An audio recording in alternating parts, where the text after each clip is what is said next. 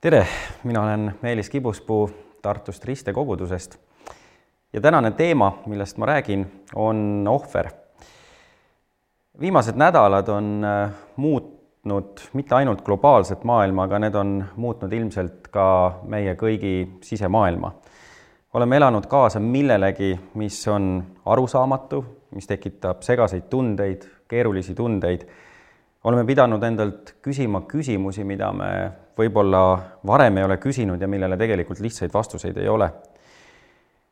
ja selle sõja kontekstis äh, on ka sõna ohver saanud kuidagi äh, valusa tähenduse mm, seni meile turvalisena tundunud heaoluühiskonnas. miljonid inimesed on täna ohvrid ja brutaalse vägivalla ohvrid, kellelt on võetud nende kodud, nende lähedased ja mõndadelt isegi nende elud Nendel ei ole olnud valikut, nad on saanud ohvriteks kellegi teise otsuste tõttu. ohver on sageli midagi pöördumatut, midagi, mida enam tagasi pöörata ei saa, midagi, mida enam tagasi päriselt saada ei ole võimalik ja mis mõjutab meid päris oluliste tagajärgedega. kui ma mõtlen nendele ohvritele, mida Ukrainas on äh, täna inimesed pidanud äh, tooma, tagajärgedele, millega nad peavad elama eh, edasi eh, järgnevad aastad, kogu elu, siis see, mida mina olen enda elus pidanud ohverduseks, saab kuidagi üpris tühise tähenduse. ei väärigi justkui nagu mainimist. aga ohvri tähendus on laiem kui nii dramaatilised ja nii traagilised sündmused, nii dramaatilised ja nii traagilised ohvrid, mille tunnistajaks me viimastel nädalatel oleme olnud.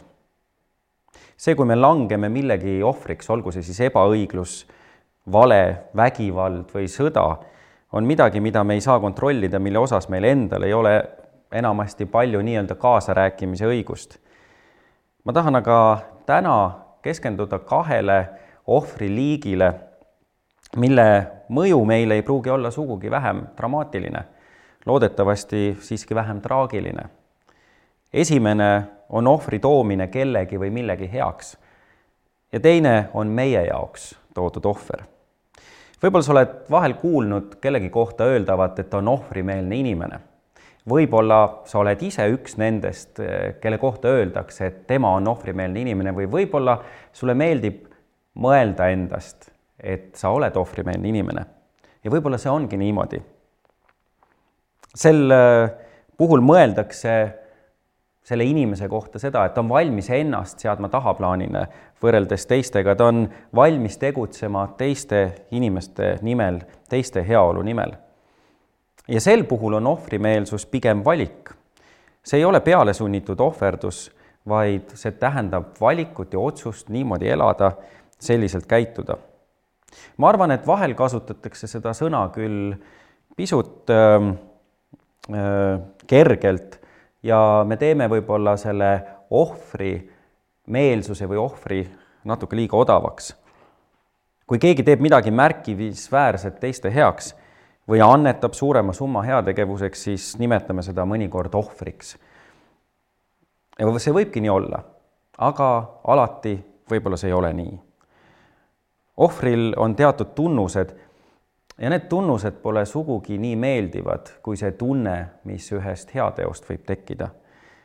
ohvrit ja heategevust, ma arvan, ei tohiks segamini ajada või neid kuidagimoodi sünonüümidena kasutada. ma tahaksin rääkida kolmest ohvri tunnusest, mis kaasnevad minu hinnangul sellise ohvriga, mis tõesti, mille kohta võib öelda ohver ja inimese kohta, kes selle ohvri toob, võib öelda ohvrimeelne inimene. esimene on see, et eh, ohver võtab meilt midagi meile olulist ära või jätab meid millestki olulisest ilma, mida me võiksime muidu saada. ja me võime küll mõelda, et iga heategu on ju selline. jah, aga samas ka ei. ma mõtlen ohvri all seda, et see läheb meile päriselt ka kalliks maksma. see tekitab piltlikult öeldes ja vahel isegi päris otseselt valu, sest see mõjutab meie enda elu, meie enda elukvaliteeti. me oleme siin elus harjunud kõike mõõtma siis paneme selle mõõdetava kusagile võrdlustabelisse ja lõpuks anname lõpliku hinnangu, kui väärtuslik see tegu või asi on. ohvrit aga ei saa mõõta absoluutväärtuses. seda on võimalik hinnata väärtuse absoluudis. piiblis on lugu lesknaisest, kes andis templisse ära oma viimase mündi. ja teadmata seejuures, mis temast järgmisel hetkel edasi saab. sellel mündil oli äärmiselt tühine absoluutväärtus.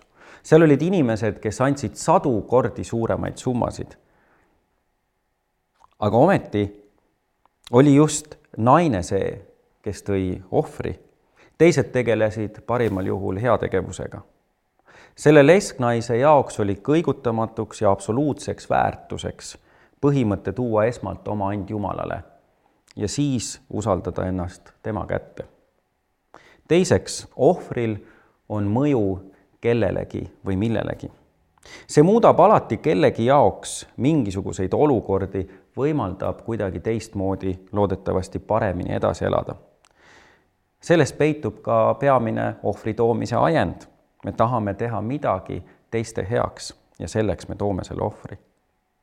keegi või miski on meile nii oluline, et selle nimel olen ma valmis endalt midagi olulist ära andma mäletate, see on see väärtuse absoluut. mind on hämmastanud tegelikult see abivalmidus, see soov aidata, mida ma viimase paari nädala jooksul olen näinud. tõsi, ma ei oska hinnata, kui paljude jaoks on need teod ja need annetused, mis on Ukraina inimeste jaoks tehtud, olnud ohver, kui paljude heaks on see võib-olla oma paljust äraandmine ja heateo tegemine ja mis on tegelikult need väärtused, mille nimel neid ohvreid ollakse valmis tooma, ka need võivad olla erinevad. see võib olla kaastunne, see võib olla õigluse eest seismine, vabadus, rahu. nii et esimene tunnus oli see, et seal on, sellel on kallis hind, kui me ohvri toome. teine tunnus on see, et sellel on oluline mõju kellelegi või millelegi. ja kolmas tunnus on see, et ohver muudab meid ennast ohvri üks tunnuseid on kindlasti see, et me ei jää päriselt endiseks.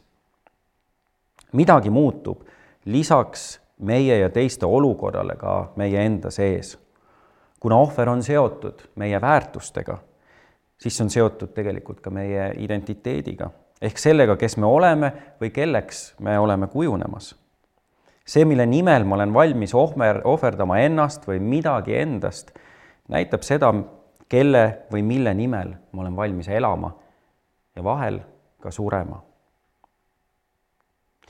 nagu ma eelpool mainisin, siis ohvrit ei saa mõõta kindlas absoluutväärtuses, kuid see on alati midagi isiklikku. Ohvris on peidetud mingi salajane kood või, või, või mingi valem, mis on seotud tegelikult meie olemusega. see, mis mõne jaoks on suur ohverdus on teise jaoks võib-olla ainult üks väike annetus. ja ma ei taha siinkohal rõhutada sugugi ainult raha või materiaalset ohverdust. tegelikult raha ja materiaalsed väärtused on enamasti taastatavad. kuid tulevik, suhted, vabadus, staatus, võim, need võivad olla midagi, mille äraandmine tähendab, et me neid ei saagi enam tagasi või kuidas oleks oma õiguse või väärikuse ohverdamisega? kui sa arvad, et äh, sa oled ohvrimeelne inimene, siis ma soovitan sul teha järgmine kord, kui sa näiteks poodi lähed tipptunnil, üks väike test. ja kui sul on kiire ja sa seisad seal, valid kassajärjekorda, vali see võib-olla see kõige pikem kassajärjekord ja, ja anna teistele võimalus, kes sinust, sinu järel tulevad, valida lühem. ja siis, kui sa oled peaaegu kassasse jõudnud, siis äh, lase endast järgmine inimene mööda, sest tema lehk on kiirem kui sinul. ja vaata, kuidas sa tunned seejuures, sest et sa annad ära midagi, mis võib-olla sel hetkel on sulle väärtuslik, aeg või sinu õigus, sinu eesõigus. Sellel puhul sa ohverdad kõigest võib-olla mõne minuti, midagi oma, oma päevast või oma ajast. võib-olla pead minema järgmise bussi või rongi peale aga mõtle, kui sa elus peaksidki andma ära midagi, mis on palju suurem, mis puudutab sinu õiglustunnet, mis puudutab võib-olla sinu eneseväärikust. ohvrid, mida me toome enda väärtuste, olemuse või iseloomu arvelt, võivad olla tegelikult palju raskemad kui materiaalne ohver. aga just sellised ohvrid muudavad meid ennast kõige rohkem ja nende mõju võib olla ajas tohutult palju suurem. piiblis on üks lugu rikkast, väga rikkast mehest. ja see mees tuleb Jeesuse juurde. sellel mehel on küsimus Jeesusele, ta küsib, mida ta peab tegema selleks, et pärida igavene elu. Jeesusel on talle esmapilgul väga lihtne vastus, tee seda, mida piibel ütleb, täida käske ja siis on sul elu taevas. mees ütleb, ma olen kõike seda teinud, mille peale Jeesus vaatab talle otsa, on öeldud isegi, et ta tundis tema vastu armastust ja ütles, üks asi on sul veel puudu. mine müü kogu oma vara, anna see vaestele, tule ja järgne mulle. Siin on ohvri hind. kõik. mine müü kõik. ja sa võid mõelda, kas see pole ehk liiga ekstreemne. see mees oli rikas, nagu ma ütlesin, väga rikas kas ei oleks piisanud, kui ta oleks müünud ära poole ja jaganud selle vaestele? hea küll, seitsekümmend viis protsenti, võib-olla üheksakümmend protsenti, aga midagi, mis oleks talle endale ka jäänud alles ja kindlustanud talle selle turvalisema tuleviku. aga ei, tema ohver hakkas peale sajast protsendist ehk kõigest. kõik alla selle oleks olnud lihtsalt märkimisväärne heategu ja ilmselt oleks ta jäänud seda ära antud tegelikult taga igatsema, kahetsema ehk isegi kibestunud. Aga vaadake, ohvri hinnalipikul on alati teisel küljel vautšer. ja siin on selleks vautšeriks elukestev seiklus Jeesusega, sest Jeesus kutsus teda järgnema temale. Jeesus ei võta meilt tegelikult kunagi ära midagi, millele ta ei annaks vastu midagi palju väärtuslikumat seda küll ehk mitte maises ja materiaalses tähenduses, aga igavikulises ja vaimses tähenduses kindlasti. ja siit koorub veel üks ohvri omadus ja selleks on tervik. ohvrit ei saa tegelikult tuua osaliselt.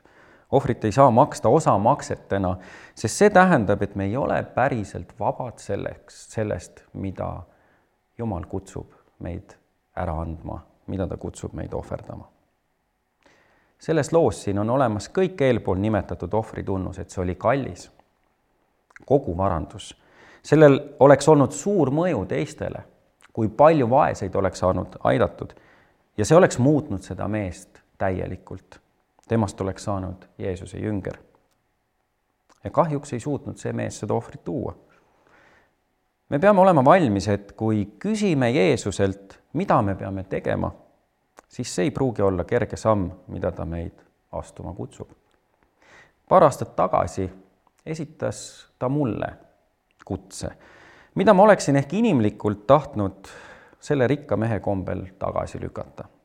see ei olnud kutse küll kõike ära müüa, sest mul ei ole väga palju varandust, ega kusagile kaugele ära kolida, sest mul on naine ja viis last. aga ohver, mille pidin tooma, tabas minu ühte kõige valusamat kohta. ma olen tahtnud kuidagi sisimalt ikka elus natuke tuntuks saada, saavutada midagi märkimisväärset, pälvida tunnustust, omada staatust. mul on seda piinlik tunnistada, sest ma samal ajal olen tundnud, et ma tahaks, et mind teataks kui alandlikku inimest. aga parem on olla aus ja see, millest ma loobuma pidin, oli minu seni saavutatu, miski, millel oli justkui minu nimesilt rippumas. mul tuli loobuda oma staatusest, teataval määral oma mõjust. aga kui ma selle sammu astusin, siis Jumal hakkas mind muutma ja näitama, et tema silmis on kõik need minu väärtused hoopis teises hinnakirjas. ma hakkasin aru saama, et kõige olulisem on olla talle meelepärane, selle asemel, et taotleda inimeste tunnustust. kõige parem on olla lihtsalt tema laps ja see on tiitel, mida ükski muu ei trumpa üle. ja mõju. parem on see, et tema minu kaudu mõjutab ühte inimest, kui ma inimlikult mõjutaks miljonit. ohver annab meile vahel täiesti uue identiteedi ja just see on ohver, mis on täiuslik ohver. ja see on see teine ohver, millel ma tahan peatuda. see on see ohver, mis meie eest on toodud. Oleme ülestõusmispühade ajas, ajas, mil me meenutame Jeesuse Kristuse surma ja tema ülestõusmist. Jeesuse surma me vahel nimetamegi ohvri surmaks. ja see on ülim ohver, mis kunagi on toodud, sest selle mõju ulatus on päriselt lõpmatu, sest see ulatub igavikku. ja mitte üldse kuidagi kujundlikult, vaid päris isiklikult igaühe jaoks, kes on valmis seda ohvrit vastu võtma. Ohvriga on see lugu, et mis meie eest tuuakse, et see tuleb vastu võtta. kui keegi ohverdab midagi meie nimel, aga meil on sellest ükskõik ja me ei võta seda ohvrit vastu, siis see ohver ei täida oma eesmärki. Jeesus tõi ohvri, mis oli väga kallis Jumala poja elu, mis mõjutab tänaseni inimkonda ja mis muutis oluliselt ka inimese ja Jumala vahelist suhet. Seda ohvrit on lõpuni võimatu mõista, aga kui me selle ohvri vastu võtame, siis hakkame kogema midagi, aduma midagi, tajuma midagi, kui määratu ja kui üleloomulik see ohver tegelikult on. Jumala armastus üleloomulik armastus selle kurja ja katkis inimkonna vastu, mille keskel me elame, pani ta andma oma poega ja tooma seda ohvrit inimkonna eest. ohver, päris ohver ei ole kunagi ilma armastuseta. ja ka vastupidi, armastust ei ole olemas, päris armastust ei ole olemas kunagi ilma ohvrita armastus läheb alati midagi maksma ja Jeesus näitas oma ristisurmaga ohvri ja armastuse täiuslikku sidet. meil on seda raske aduda, aga me võime seda kogeda. mulle meeldib mõelda, et ohver algab alati justkui miinusmärgiga. meilt võetakse midagi ära või me anname midagi ära. aga see, mille Jeesus oma ohvriga meile tagasi annab, on nii palju suurema plussmärgiga ja kõik see, mida me siis selle nimel edasi anname, olles ise kogenud seda ohvrit, mis tema meie jaoks on toonud, tahame me ka seda ohvrit kuidagi edasi anda ja see teebki meid loodetavasti ohvrimeelsemaks ka teiste suhtes. kui me seda plussmärki anname ka teiste elule edasi, siis neid plussmärke saab lõpuks üks lugematu arv. me oleme kuulnud halastaja samaarlasest ja ma mõtlen, mis sai sellest mehest, keda see halastaja samaarlane aitas, ehk sellest ohvrist. tahate, ma ütlen teile, ma vähemalt tahan mõelda, et sellest kannatanust, sellest ohvrist sai järgmine halastaja samaarlane. kui me oleme ise kogenud, et keegi on ennast meie jaoks ohverdanud, siis tekib meil ka soov ja igatsus anda seda samameelsust edasi teistele. mõned nädalad tagasi minu esimene laps abiellus. me olime perega juba enne nädalaid valmistunud ja elevil ja lootsime, et kõik läheb hästi ja plaanipäraselt. ja me palvetasime iga õhtu, et keegi meist ei haigestuks. täpselt nädal enne mina haigestusin. kui mulle jõudis kohale, et on täiesti reaalne võimalus, et ma ei saa oma poja pulma, siis valdasid mind väga keerulised tunded. seal oli kurbus meeletu pettumus, viha ja pahameel, kibestumine, isegi lein. ma ei saanud üldse sellel nädalal Jumalaga läbi. Ma kallasin ennast talle täiega välja, ma süüdistasin teda, ma jonnisin nagu väike laps. ma lihtsalt ei saanud aru. ma ei saanud aru, kas Jumal armastab mind või ta karistab mind. ma ei teadnud, kas on usuproov või usu kinnitamine. ma ei teadnud, miks Jumal minult sellist ohvrit tahab. see ohver oleks olnud täiesti asendamatu, sest see on ju üks nendest ükskord elus hetkedest, kui su laps abiellub. Ja ma ei teadnud, miks ma pean selle ohvri tooma. aga selle nädala juma, jooksul Jumal näitas mulle asju, mida ma ei oleks ühelgi teisel nädalal märganud. üks nendest oli muideks see, et ma sain oma väga-väga võrreldamatul viisil, aga siiski sellisel arusaadaval moel sellest, mida tähendab, et Jumal andis oma poja, loobus oma pojast ja ohverdas ta minu eest. mida tähendab loobuda millestki, mis on sulle nii kallis ja nii oluline ma sain aru, mida Jumal oma poja andmisel päriselt on teinud. ta rääkis minuga isiklikult oma sõna kaudu, vaimu kaudu ja ka teiste inimeste kaudu. ja lõpuks ta näitas mulle ka seda, et Jeesus oma lunastusega toob lootuse igasse olukorda. Ja nii oli ka minul lõpuks võimalik üpris ootamatult siiski selles pulmas osaleda ja oma pere kõrval seista. nii nagu ka Jeesuse surmas peitus lootus, mis sai elavaks ülestõusmise päeval, kogesin ma selle lootuse elustavat mõju oma loos. ohvris, ükskõik kui raskes, on alati peidus lootus. ohver on värav parema tuleviku õuele. Ja julgus ja usk aitavad sul sellest väravast sisse astuda ohver on alati kallis. see mõjutab olukordi ja inimesi meie ümber ja see muudab meid. aga ohver, mis meie eest on toodud, on kõike seda lihtsalt nii ja nii palju rohkem. ja nende kahe ohvri koosmõjus on maailmal, maailmas muutev vägi. Ma tahan esitada sulle täna ühe väljakutse ja ma tahan kutsuda sind tooma ohvrit oma elus ja tegelikult ma julgen lausa kutsuda sind üles tooma oma elu ohvriks, ütlema Jumalale, võta kõik, tee minu eluga, mida sina tahad sellega teha. aga luba mul sind järgida. ma ootan, et just sellised ohvrid tulevad tänases maailmas esile ja ma olen täiesti kindel, et siis maailm muutub paremaks. kas maailm meie ümber, seda ma ei tea, aga maailm meie sees ja meie läbi teiste sees. selles olen ma kindel. sest Jumala riik on siis meie keskel